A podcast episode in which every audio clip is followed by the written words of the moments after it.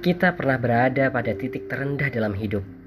Banyak hutang, tak ada kawan, dihantui begitu banyak beban pikiran, usaha gagal, dan lain sebagainya. Kita merasa seolah kita adalah orang paling sengsara di muka bumi.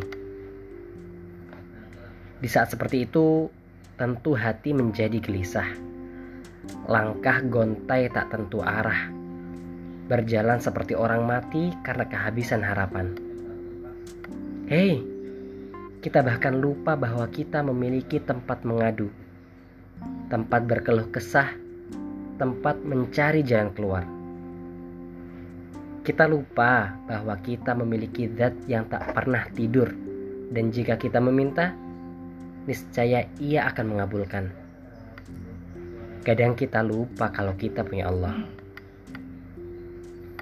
Kawan, apa pun yang kita dapat dalam hidup ini, semua memiliki sebab akibat. Dan boleh jadi kita menjadi sebab akibat untuk orang lain maupun sebaliknya. Tidak ada yang salah dalam hidup ini. Hanya saja kita yang salah dalam menilainya. Seluruh gegap gempita dan cobaan yang kita dapatkan jika kita memiliki pemahaman baik atas itu semua, niscaya kita akan menemukan kebenaran, jawaban atas semua sumpah serapah dalam hidup kita. Sekali lagi, tidak ada yang salah dengan cobaan dan ujian dalam hidup kita. Semua berjalan sesuai jalurnya masing-masing.